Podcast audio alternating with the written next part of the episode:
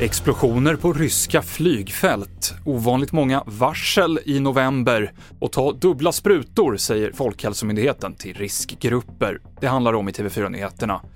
Men vi börjar i Tyskland där en 14-årig flicka är död och en 13-årig svårt skadad efter att de attackerades på väg till skolan i morse av en man som tros ha varit beväpnad med kniv.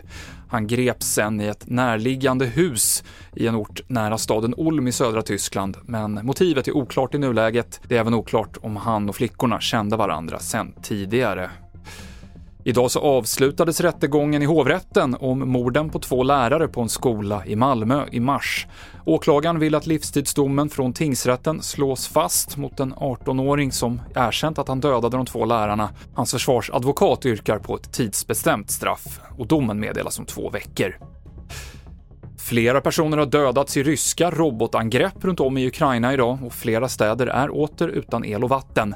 Flera personer dödades och skadades i explosioner på två ryska militära flygfält som båda ligger långt från gränsen till Ukraina. Där är det oklart om det rör sig om olyckor eller om ukrainska sabotage ligger bakom. Från och med idag så kan allmänheten vaccinera sig mot säsongsinfluensan. Folkhälsomyndigheten uppmanar alla i riskgrupp att ta spruta både mot influensan och mot covid inför julen. Om man eh, har tänkt sig vaccinera sig eh, mot influensa till exempel ska man passa på att ta sin påfyllnadsdos för covid-19. Ehm, och eh, nu är det ju ja, knappt tre veckor kvar till jul. Det tar ungefär två veckor att bygga upp ett skydd. Då står man väl rustad sen när man vill umgås med familj och vänner.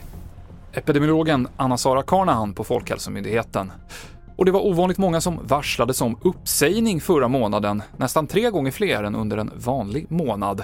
Arbetsförmedlingen säger att även om ett varsel inte behöver leda till att någon blir av med jobbet så är det här ett tecken på att konjunkturen viker neråt och under andra kvartalet 2023 räknar man med att arbetslösheten börjar öka. Det avslutar TV4-nyheterna i studion idag, Mikael Klintevall.